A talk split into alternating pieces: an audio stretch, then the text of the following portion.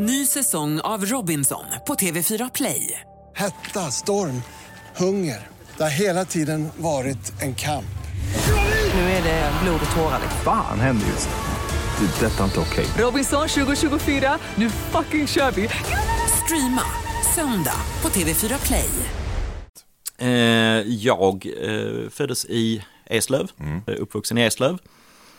Eh, I, eh, ja, i en villa, en mexitegelvilla. Eh, vanligt område. Två yngre syskon, en lillebror och en lillasyster. Och eh, mamma och pappa bor fortfarande kvar i huset, pensionärer nu för tiden. Mamma jobbar på Skattemyndigheten och pappa är på personalchef på Hilleshög i Landskrona. Det är, det är väl, Så, så det är en showbusiness-bakgrund. jag jag det föddes, eh, föddes in i det här, eller?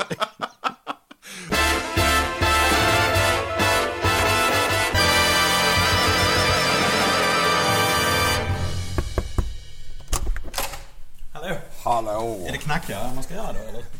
Du har ingen fungerande ringklocka? Nej, det är, den har inte fungerat i flera år. Nej. Och julgranen står kvar också. Och, Ja. så du lagar inte ringklockan, du plockar inte ner julgranen. Du... Han är punktlig som en rektor från 40-talet. Ger ett pikt och alldagligt intryck och skulle man inte veta vem han var skulle han lätt kunna tas för en avlägsen kusin man träffar för första gången på en släktträff. Men mannen i dörren är enligt flera omröstningar Sveriges roligaste person. Han är rik som ett troll, hans förnamn är samma som en gammal svensk kung och efternamnet betyder ollon på latin. Något vi dock slutade skämta om på 90-talet. Välkommen till ett toppmöte med Anders S som idag har stor besök av komikern, nörden, kalenderbitaren och kollegan som det faktiskt är svårt att inte tycka om.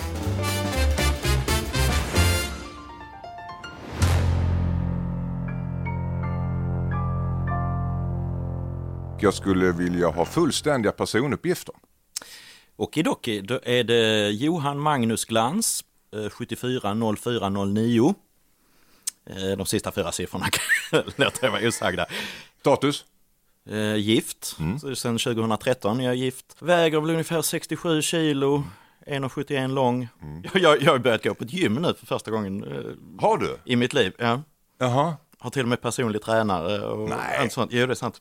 Jag fick det, fick det som en present. Du vet, man får ju en eh, så här, tio gånger gratis och sen så Alltså, Sen man ju fast. Men jag säger det apropå att då, då har han sagt att de har en maskin där de kan mäta ens fysiska ålder. Jaha. Eh, för, för man är, jag är 45 år gammal. Ja. Men, men så har jag en fysisk ålder och då säger han det, han mäter just sådana grejer liksom, som hur mycket fett det är runt de mindre organen och sånt. Och jag vill inte. Nej. Jag säger nej, jag gör inte. Tänk, du- tänk om jag får veta att jag är eh, 74. Liksom. Ja, du säger att du fick en present för det där kan ju vara en förolämpning också. Man får en, alltså Mm. en present av en flickvän. Här har du ett år på sats älskling. Ja. Ja, vad är det försöker du säga mig något eller? Ja. Eh, Men det var inte den känslan du hade? Nej. Nej, det var inte den eh, känslan, jag snubblade eh, in i det. Alltså, hur då? då? det är en lång historia. Det var ett som, Berätta. jag, blev, jag blev ombedd att göra, eh, det, det var en kampanj som att barn ska röra på sig. Ja. eh, mer. Barn ska röra på sig varje dag. Och, så, så, och du vet, så här, jag försökte liksom, slingra mig ur lite grann. Så säger jag, men jag kan inte säga till någon annan att de ska röra på sig. Jag sitter ju på min röv hela dagarna. Nej men då vet du vad, ska du få en present här. Tio gånger.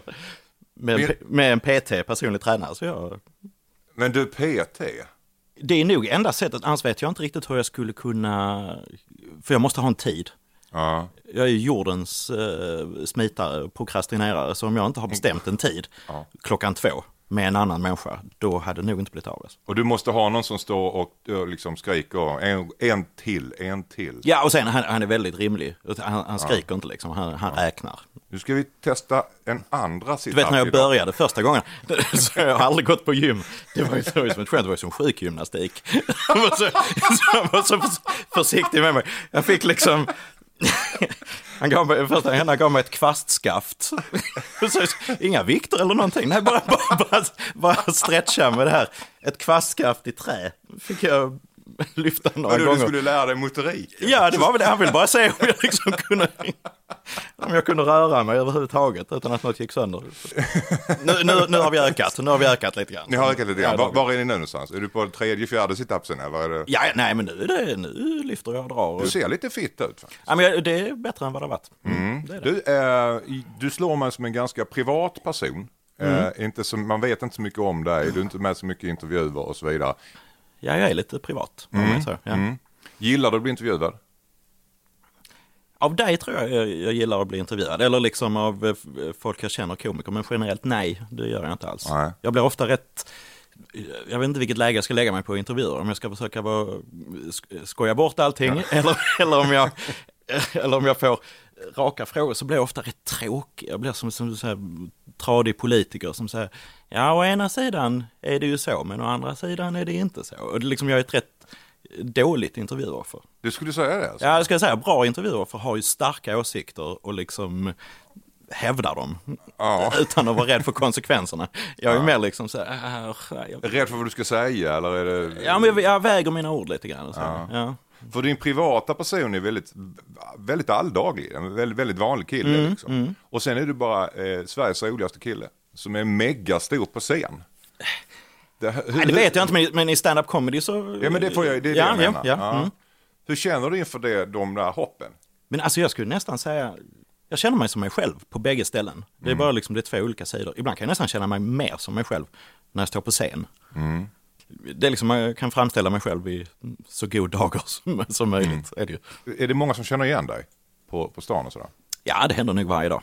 Hur hanterar du det? Är det kul eller är det jobbigt? Eller? Ja, men nu uppskattar jag det mer. Men jag har ju liksom gått igenom sådär olika faser på något sätt. Liksom. Det var ju nästan, var nästan parlamentet. Det har jag tänkt, för jag tacka dig.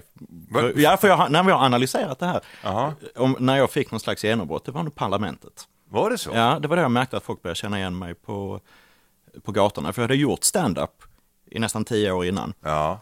Och eh, Kvartersgatan. Men det var när man kom med i det här jäkla parlamentet. Och du vet, det var två miljoner tittare varje söndag. Det var liksom som melodifestivalpublik. Och då hände någonting. Det, det, det är sant. Men är straff för de arbetslösa rätt väg att gå? Vad säger ni? Mer straff? Jag fattar inte, ska vi ha mer straff? Är det, inte- är det inte straff nog att bo i det här jävla landet? Nej, Va, eller hur? Det regn och piss och blåst 340 dagar om året. Det är mörkt som i en säck och kallt som en jävla isbjörns rövhål. Man släpar sig upp i ottan varje dag för att gå till ett meningslöst underbetalt jobb med korkade kollegor. Det enda man har sett fram emot är helgen. Man sitter med sin indolenta familj och glor på På spåret och Bingo Royale och hej jävla Baberiba! Och sen så hörs på måndagen hem! Och det om! Och så går det dag ut, dag in till en vacker dag när man får sparken för att Moderaterna har lagt ner hela myndigheten man jobbar på. Så nu är man arbetslös och då får man böter! För att man är arbetslös! För du är ju inte, du är inte den här självklara, alltså du, du har ju vad jag förstått också någon slags nördig sida. Mm. Eh, du var schack, gillade schack. Ja, jag spelar schack, gjorde jag. Du var med i, eh, vad, vad hette det? Del. Tusenlappen, vad fan Nej, nej, 10 000 kronors 10 000. fråga. Men det var mer än 10 000 då. Då var det... De hade, de hade justerat det för inflation så det var 48 000 kronors fråga. Det var inte ens 50 000, det var 48, 48 Någon 000. som hade räknat ut Ja. det där ja. Och, och då var du expert på James Bond. Eh, Ja, det var det jag valde.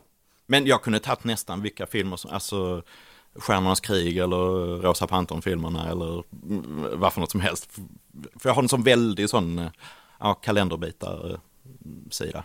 Det finns ju njutning, det känner jag liksom. Det är lite det som är, jag höll på att säga, meningen med livet. Väldigt högtravande. Med, med, I och med att jag tror liksom livet är ju objektivt sett kanske meningslöst. Men det blir ju fullt med mening om man själv fyller det med mening. Om man verkligen, så, så liksom om man är intresserad av eh, hur nördigt den är, om det är att samla frimärken, så för fan gå in i det till 100 procent.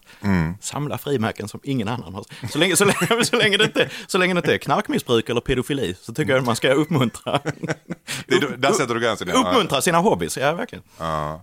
Och en skräckfilmspassion har du också. Ja, jag tycker om skräckfilmer. Ja. Ja. Jag är hatar, dem första gången jag ser dem. För det är det värsta jag vet, att hoppa till och bli rädd. Jaså? Men så tycker jag om att se dem andra gången, för då vet jag. Så då vet jag Du kan du förbereda när man ska hoppa till. Ja, Det är ett fegt drag. ja det, är- det är ett jättefegt drag. Det är som att spela in Jeopardy och sitta Ja. och briljera. Nej, för det där är intressant för jag har ju, all, nästan alla jag intervjuat har ett kunskapskomplex. Jaha. Att man inte kan någonting. Ja, ja. Mm. Eh, bara det här. Och då försöker man överfölja det med, med komik istället. Ja, och jag Det har, jag har ju faktiskt jag har ju pluggat i Lund också. Är du har pluggat i Lund också? Uh, inte, tog aldrig, tog aldrig min uh, filkand som jag tänkte, men jag var ju där ändå i fyra år. Så, Vad pluggar du då? så det var drama, teater, film. Här var det lite sociologi, lite filosofi.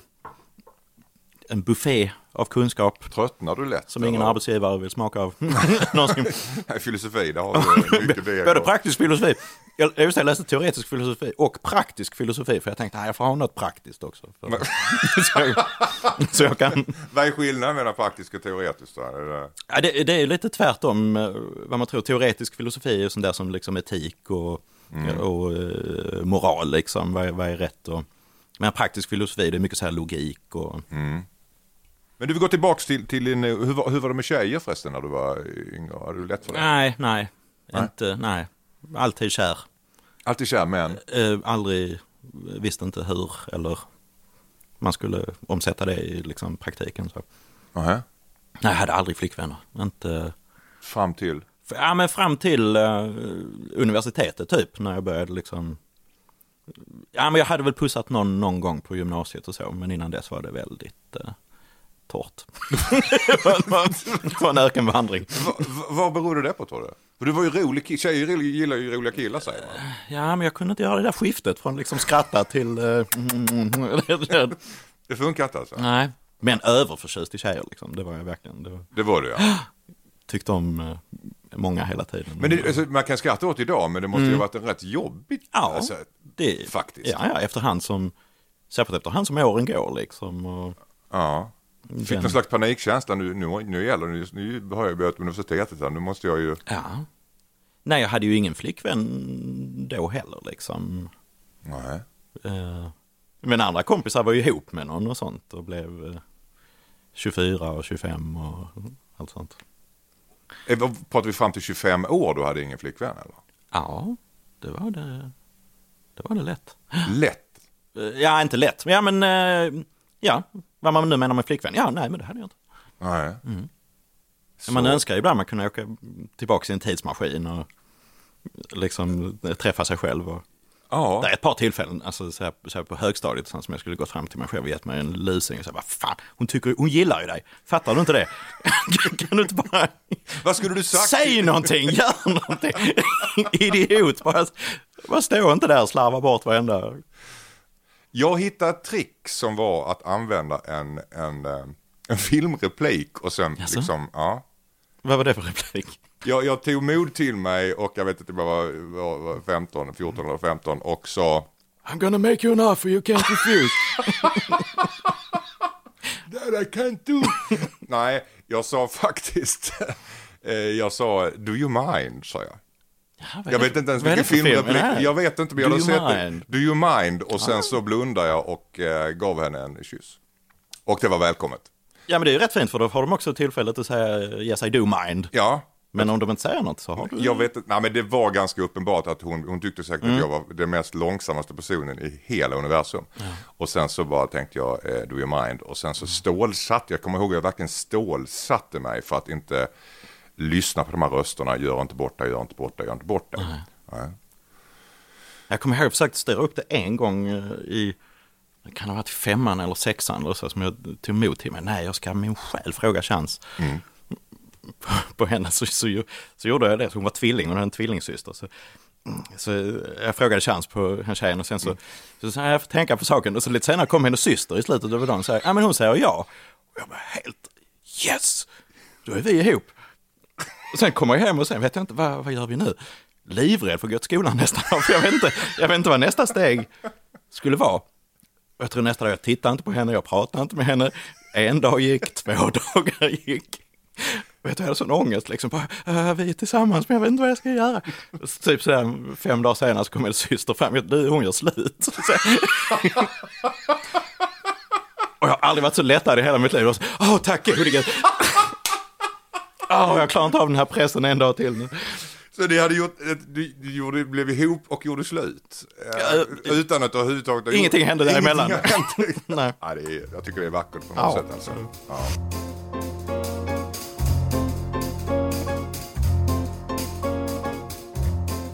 Har jag rätt om jag säger att du har en slags hatkärlek till Stockholm?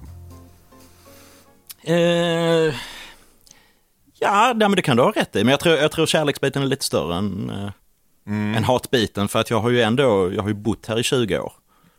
Mina, mina barn, de är ju födda i Stockholm och pratar i stockholmska. Men min äldsta dotter, hon bara, kan vi inte flytta till Skåne? Jag vill bo i Skåne. Det är så fascinerande där att de, att de väljer Ja. För de har ju varit allra mest med oss ju. Särskilt när de börjar lära sig prata och allt sånt. Det har ju varit med oss. Men det, det måste vara sådär darwinistiskt att de tänker att ja, men de gamla generationerna kommer dö ut. Jag måste satsa på kompisarna, de som är min ålder. Det är de jag ska smälta in Ja. med. Ja, ja, jag vet Ja, inte. det är intressant för att, för att någonstans så eh, hade man ju kanske förväntat sig att de får den här lundensiska drillande pratar Ja, just det, den här, den här med, eh, märkliga varianten där eh, Just det. eh, låter som man kanske har något fel på sin hjärna. Vad tycker du om att säga till andras ungar? Nej, ja, då får de ju göra något. Alltså, Fast, ja, direkt våldsamt eller? I och sig, ja det har ju, ja. det här med den kollektiva uppfostran, att, att man ska Mm. liksom vara en del av en vuxenvärld gentemot barnen.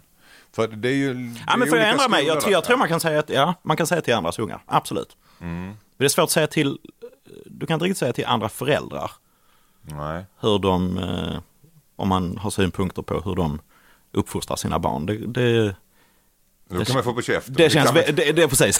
De små ungarna kan man ju ta om det skulle bli fysiskt liksom. Vad tycker du? Ska man... Ja, jag tycker, alltså jag har inga egna barn, men, men jag tycker nog att man kan säga, det är svårt om jag går omkring på lekplatsen till att börja med. eh, och sen, men skulle börja säga till Man annars, går runt och skäller ut barn till höger och vänster. det blir konstig gubbe som går omkring och styr upp. Ja, det har du. När du går i pension har du, har du något att se fram emot.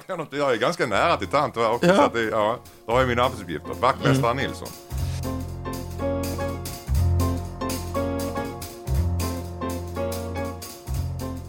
Vad är det konstigaste gig du har gjort? Jag har gjort för tre personer har jag gjort. En gång. Vad då? Eh, då var det nere i Helsingborg. Och det var några säljare, de skulle sälja, ja, det var något flingpaket eller det var något sånt där. I alla fall. Och, och de hade väntat sig många, många fler. Och så var det bara tre stycken. Så det är som du sitter i en soffa och så två till. Och så ska man komma in.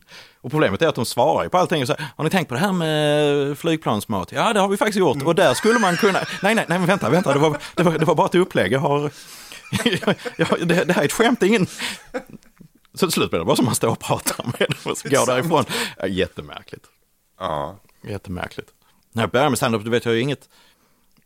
Det, nu är det mycket mer, alltså de nya komikerna, de är på klubbar. Och det är inte så mycket företagsjobb längre. När, när jag började så var det ju inte så mycket klubbar, så då, var det, då kunde man få företagsjobb. Så det fina var att man kunde tjäna rätt bra med pengar ganska snabbt. Det dåliga var att det var ju, det var ju psykisk tortyr många, många gånger. Och sitta, det var liksom varenda gång, var jag, 20, strax över 20, man sätter sig på en buss, ska åka någonstans till Växjö, får byta buss tre gånger, ta taxi sista biten. Så kommer man dit med sin ryggsäck och duffel. Hej, jag ska uppträda här. Man bara ser alla ansikten bara så nej, nej, nej, nej. Vad fan har vi gjort? Och så går man in, uppträder för en massa herrar i kostym som inte uppskattar en överhuvudtaget. Ja, och så går man tillbaks, sätter sig i taxin, tar buss, byter till nästa Vad buss. kör du för material då? Eh, då hade jag ju väldigt mycket eh, jag vill säga, surrealistiska grejer. Liksom. Mycket eh, alltså skämt, skämt. Sådär, liksom. Eh, ja, jag är lite nere idag. Min, min farfar dog häromdagen. Han hade benprotes. Han omkom i en tragisk bungee jump-olycka. och jag kommer aldrig glömma det där ensamma benet som studsade upp och ner. Alltså sådär. Dåliga, uppenbart påhittade skämt liksom. Ny säsong av Robinson på TV4 Play. Hetta, storm, hunger. Det har hela tiden varit en kamp. Nu är det blod och tårar. liksom. Fan händer just nu. Det. är Detta är inte okej. Robinson 2024, nu fucking kör vi! Streama söndag på TV4 Play. Ett poddtips från Podplay. I podden Något Kaiko garanterar östgötarna Brutti och jag, Davva, dig en stor dos skratt. Där följer jag pladask för köttätandet igen. Man är lite som en jävla vampyr. Man har fått lite blodsmak och då måste man ha mer. Udda spaningar, fängslande anekdoter och en och annan arg rant.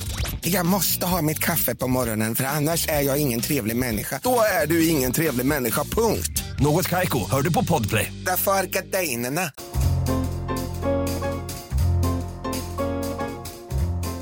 När man letar material så måste det ha varit en uh, Eureka-situation för dig när du hittade en ort som heter Röven. Alltså, Ja. Det är ju, det är ja, det är jättebarnsligt. kan du beskriva den känslan, vad som hände i din hjärna när, när du liksom upptäckte detta? Jag minns det som det var igår, Ja. Anders. Berätta. Ja, jag vet inte hur intressant historia det är, men, men vi var ute på turné på en sån där med många komiker, så här tio komiker. Och, och jag, jag, skulle liksom, jag var inte så riktigt så nöjd med mitt material. Jag hade, vi hade kört några gånger och jag tänkte, fan jag har inte någon sån här riktigt stark slutgrej. Och så var det någonting jag snubblade, det var någon som sa det helt enkelt. Liksom. Vi pratade om roliga ortsnamn, för vi reste genom Sverige, så sa de att det finns eh, en ort som heter Röven. Jag kommer inte ihåg vem som sa det. Och då tänkte jag, ja men det här ska jag gå upp och prata om. Och så det roliga med det, det är ju, eh, det är ju inte att man gör två skämt om att det finns en ort som heter Röven, utan det är ju liksom det är 10, 15 skämt. Och det måste du ju känna direkt. Ja, Hur länge har du bott i Röven? Hur långt in? Alltså, ja, alla dem. precis. Ja, jag, jag har alla mina släktingar i Röven och jag, jag, jag har haft, jag har haft lite bageri i Röven och Men det jag är ute efter, det måste ju Mm. ha varit mer än bara känslan av att ja, men det där kan jag göra någonting på. Det måste ju ha varit att det här är, det här är, är liksom en gudagåva. Ja, ja, och, och, också för att det Här är har jag 15 minuter självspelande piano. Alltså, precis, lite och som så. man kan göra, du vet i flera omgångar. Alltså jag är ju så här, nej, nu kan jag göra Röven 2.0 och precis, när- precis, när man tycker, precis när man tycker att man är färdig med det. För det har jag sagt så många gånger så här, jag ska aldrig mer göra den Röven-rutinen. Jag är så, så händer någonting nytt. Som nu när jag var med, när jag, när jag var med På spåret. Så, så slog det mig det, det hade ju varit perfekt om, om tåget är på väg till Röven någon gång. Om man har de ledtrådarna så här, på 10 poäng. Denna håla, Exakt. denna ändstation. Ja. Vi tar bakvägen in. Till, det, det bara, och, det, och den är så skön också för den är ju... För att den är så barnslig och det, och det är egentligen så dåligt.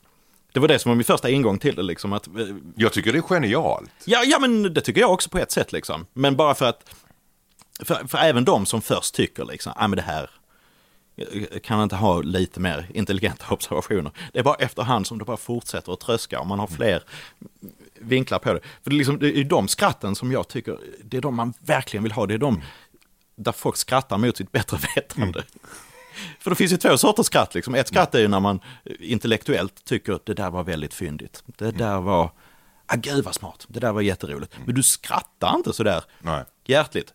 Och så här, riktigt jävligt skrattar man ju ofta åt de grejerna som man egentligen inte vill skratta åt. När det är sånt, ja, men, kiss och bajs och sex och röven och så. Där först skrattar man så, "Ah!" och sen, nej fan det här. Man börjar censurera sig själv. Ja, exakt. det är under min värdighet. Ja. Ja. Och där är ju parlamentet, det är ju... ju... Vi brottar ner publiken. Oj, oj, oj, oj. I, i det. Nej det- men, nej men också bara liksom, ja, man säger någonting och så, och så ja, folk skrattar innan de har hunnit eh, ta ställning. Jag tycker det här är eh, väldigt intressant det här med med att intellektualisera sig själv. Ja. Att man censurerar Det är sig hur själv. man vill framstå själv. Ja, liksom. ja. precis. Men det är ju precis så att folk skrattar ju olika saker. Mm. Man, man skrattar intuitivt bara. och sen kommer man på sig själv att det där borde jag kanske inte skrattat åt för att det, säger fel saker om mig. Ja. Och det har varit så många gånger man har gjort eh, stand-up gig på, man har varit på företag eller i olika sammanhang när de, när de säger, "Ja, men, inget under bältet, eh, inget sånt liksom. Och så, så gör man inte det på ett tag, men sen så, ja men jag testar en liten grej. Och då kommer de stora skratten och så gör man lite till och sen till slut är det rena liksom. Vad tycker du om den inställningen som folk kan ha? Att, att man, man värderar vilka skatt som är mer värda än Jag andra? kan tycka det är rätt eh, o... Eh, jag ska inte säga ointelligent, men det är lite o... Eh, för för det, är så, det är så accepterat om man bara säger rakt ut, ja men jag gillar inte sexskämt. Eller jag gillar inte under bältet-skämt. Det är billigt. Va, va, vad är det man säger då?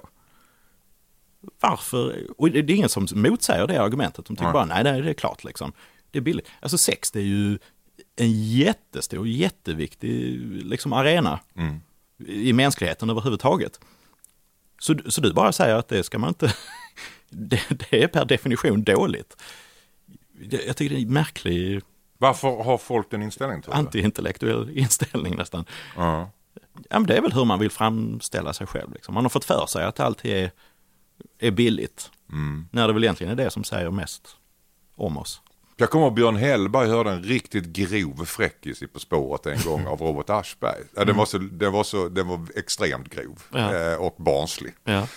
Eh, Och han skrattade så tårarna rann. Och samtidigt som han gjorde detta så sa han, det är så lågt. Det är så lågt. Det är så lågt. Men ändå så skrattar han. Ändå så skrattar han. total paradox liksom. Ja. Jag skrattar fortfarande. Ja, det- Vi får göra en Ja, liten det- ja. paus. Det är så lågt så...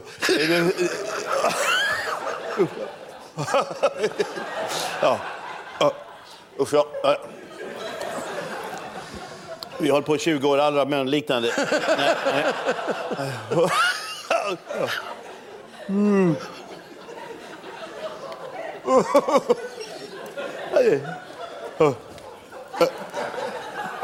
Nej, det får ligga. Jag tror du får ta det själv, Ingvar. Ja. Ja, eh.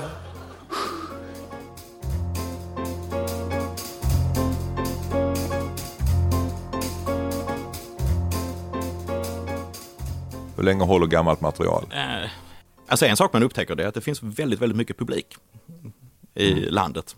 Så eh, vill man vara slö så kan man köra gre- samma grejer rätt länge. Men jag har ju filmat ofta mina föreställningar och, och ja, men och sålt till tv och, och så. så de, och har det gått på tv så får man tänka att ja, men nu, är det, nu är det kört. Det är där gränsen går. Ja, och sen också för ens egen skull, bara för att man blir tråkigare om man... Blir man trött på sig själv? Ja, det blir man. Och, och självförtroendet försvinner också, för man, man får skratt på två år gamla grejer, så tänker man, ja men det var ju den killen för två år sedan som fick det skrattet. Det är ju inte... Men det är intressant därför att eh, det har ju nästan blivit som, som låtar. Mm. Alltså Ricky Gervais har man ju sett på Netflix och så fyller han Globen med mm. identiskt material som alla har sett på Netflix. Han är ju expert, jag, jag blev erbjuden att, att köra hans material. Att han skulle franchisea ut det. Allvarligt? Ja, det var för några år sedan som någon eh, erbjöd mig.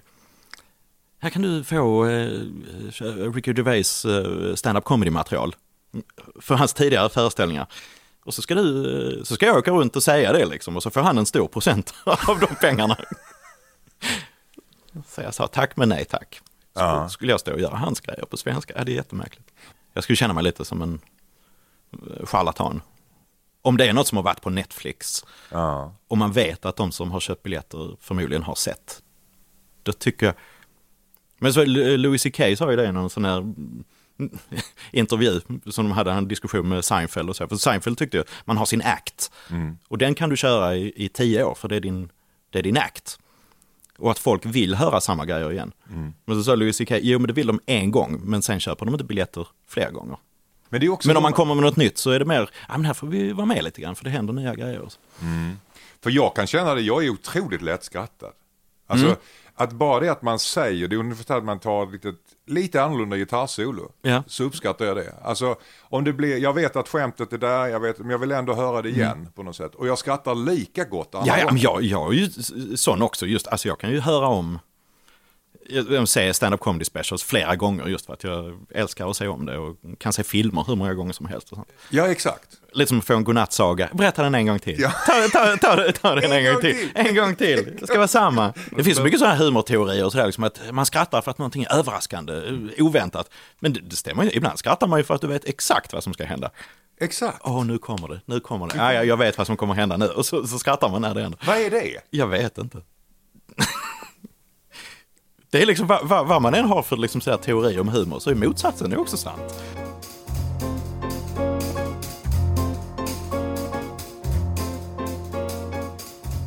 Finns, finns det en röd tråd i när du letar material?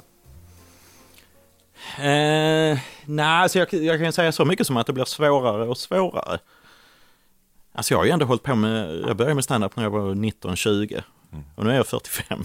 Så det är ju en bra tid. Så alla de där eh, omedelbara grejerna som man tänker, oh men det här är ett, liksom, det här vill jag berätta om och det här är, ja, de har man ju sig. Men det händer ju nya grejer hela tiden liksom. Jag tänker det, det gör ju det. Ja, det gör ju det.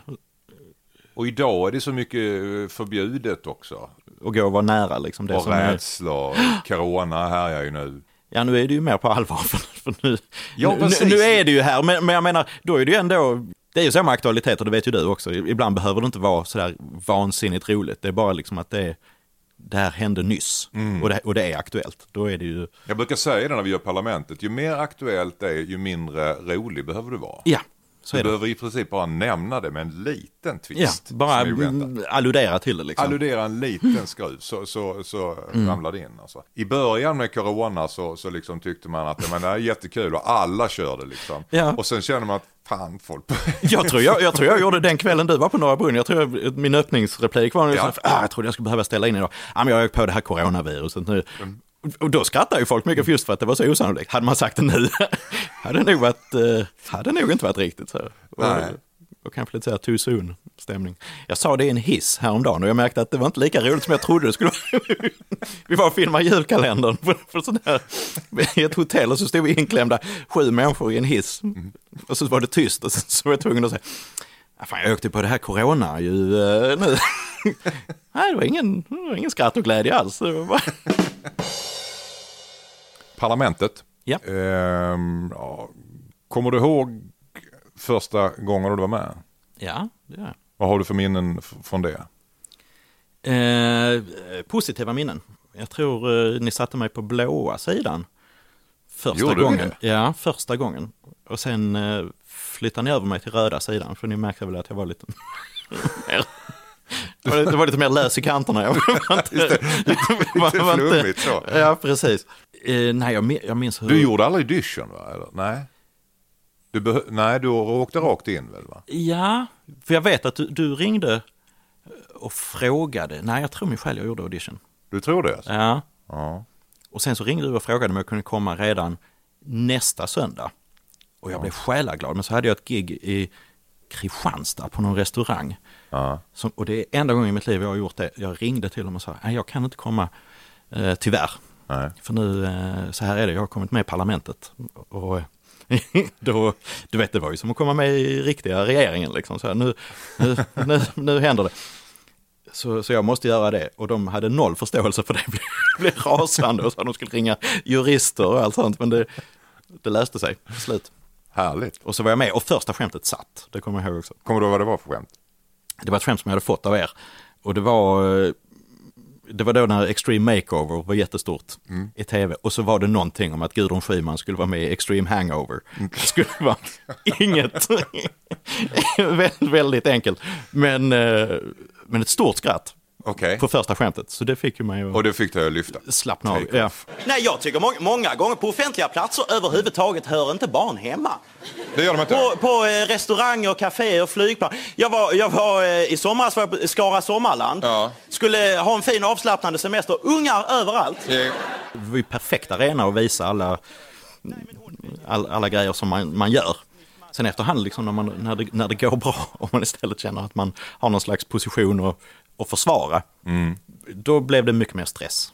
Då blev det mycket mer stress. För, för, för varje gång man var med, du vet, ja, men, den här gången har jag ramlat av stolen, jag kan inte ramla av stolen en gång till. Du vet, till slut blir det liksom, man gör varför som helst, man är uppe och klättrar och slänger vatten. Och, till slut känner man liksom, ja, men nu har jag, nu har jag slagit knut på mig själv. Ja. Jag vet inte hur jag ska toppa det här liksom. nej. Blev man Så, trött så det var lite så det började, ja, det var lite så det började kännas de, de sista säsongerna så här, som jag var med. Liksom, att den där känslan, men har jag inte sagt det här för? Har jag inte gjort, har jag inte gjort det här för? Ja. Ehm, Och det, som jag tänker någonstans kanske är oundvikligt. Du sätter Sveriges absolut toppkomiker i samma program. Mhm. Och eh, det är en publik som ska rösta på slutet. Mm. Går det att gå en annan väg, tänker jag? Alltså, det blir ju någon slags konkurrens. Ja, det blir det ju. Om publikens gunst. Men det ska- är ju också det som det driver ju programmet Ja. liksom framåt. Just det. Och den nerven och den kittlingen som var i det, det är, det är jag glad att jag har fått vara med om liksom. För det var också, när det funkar så var det ju, Mm. hisnande känsla liksom. Kände du att omröstningen var jobbig? Eh, nej, jag kan säga enda, Nej. enda gången jag tyckte det var men för då, då gick det ju väldigt bra för mig. Mm. Liksom. Enda gången jag tyckte det var lite jobbigt var första gången Björn Gustafsson var med. Han, han kommer med någon leather shield på sin paladin. Och, liksom, och det, det är som att, det är för fan som att komma med en wizard och lägga ice bolts på, på ett ice. Vad är- Man blir, nej men jag blir så... Vad är Paladin? Vad är Iceball? Vad är Wizard? Nej men det... det är så, Jag fattar inte vad du pratar om. Du, du fattar inte, du, du, du är precis som en priest som inte healar Anders. Det är som, du är... Eh, det var inte första gången han var med i programmet, men det var första gången han var med med mig. Och du vet, plötsligt då när, när man är van vid att ja, men det här brukar gå bra. När, det, när hans blåa pelare skjuter upp i taket, min- då fick jag plötsligt, ah, det var inte så, det var inte så skönt. It's a new kid in town. Ja, det är a new kid in town. Han är, fan och han är en bättre version av mig också. Han är, han, han är... Nej, var det så du kände? Nej, så känner jag inte fullt ut. Men, men objektivt var det lite så liksom att, Ja. att där blir man plötsligt, när man blir krossad en gång, då kände man, ah, Ja. det var inte lika nice.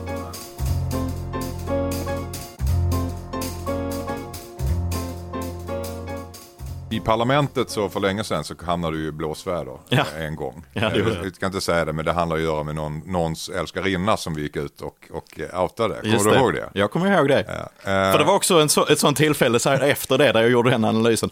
Nej, det här var inte så mysigt.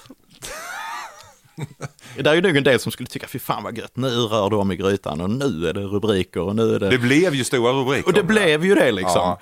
Och- och jag oskyldiga får glans ingen handlar- personlig njutning av det alls. Jag bara tänker, nej, nej, nej, nej, jag har gjort fel. Vad är det som händer? Jag fick ju klä skott för dig. Jag, jag, Ja. fick, jag fick ju gå ut och, och, och försvara dig med hull och hår. Och skrev, Vi kan eh, förtydliga lite grann vad det var utan att säga för mycket. Men det var ju eh, någon då som var anklagad för flera älskarinnor som inte var namngivna i, i, i media. nej, just det. Och då gjorde jag ett jättedåligt skämt där jag tänkte liksom det roliga var, eller det var inte jättedåligt skämt, men skämtet var att jag inte skulle säga de här namnen. Man får absolut inte säga de här namnen. Och du vet så, så råkar jag säga dem ändå, liksom jag säger dem ändå. Det var ju bara ung och naiv som jag var, så fattar ju inte jag att det var ju en ursäkt för alla kvällstidningar. Så, vad bra, äntligen sa någon det, han sa det, nu kan vi också säga det.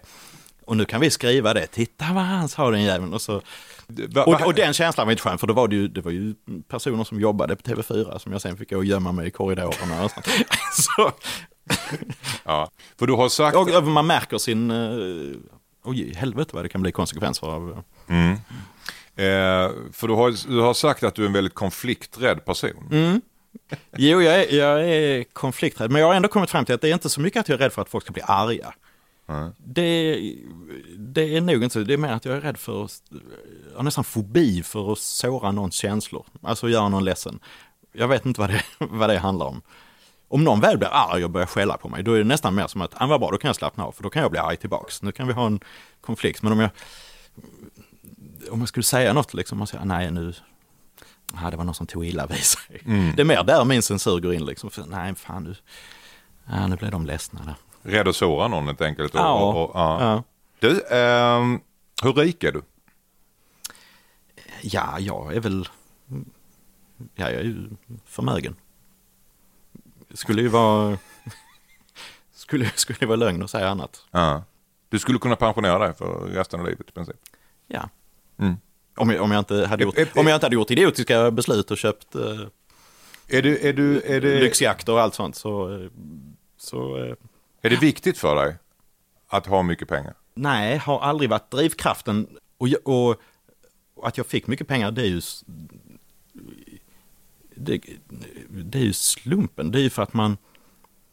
Jag skulle inte kunna berätta för någon annan hur, de, hur de ska tjäna pengar. Jag har aldrig förväntat mig i mitt liv att, eh, att jag skulle ha pengar. Det, det har jag liksom inte sett komma. Nej.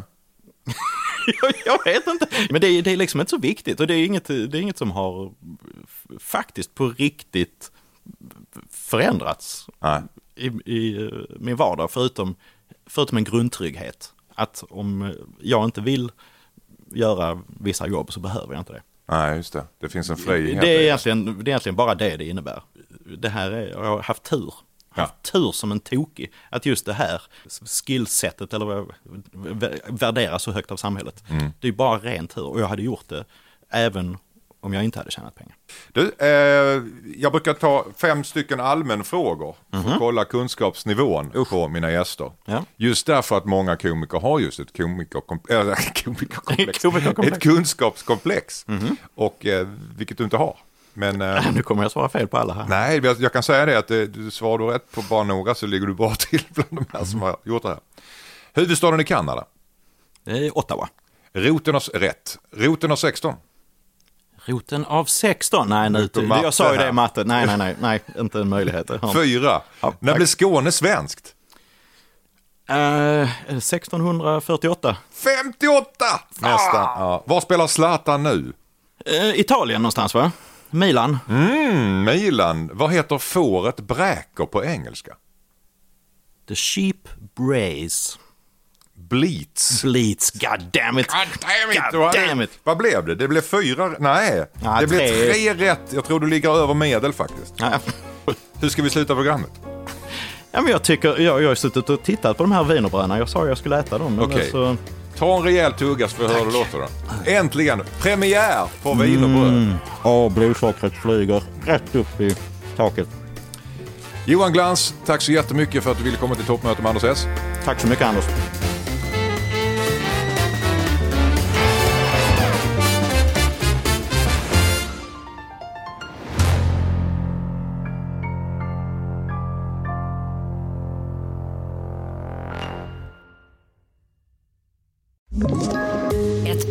Poddtips från Podplay. I fallen jag aldrig glömmer djupdyker Hasse Aro i arbetet bakom några av Sveriges mest uppseendeväckande brottsutredningar.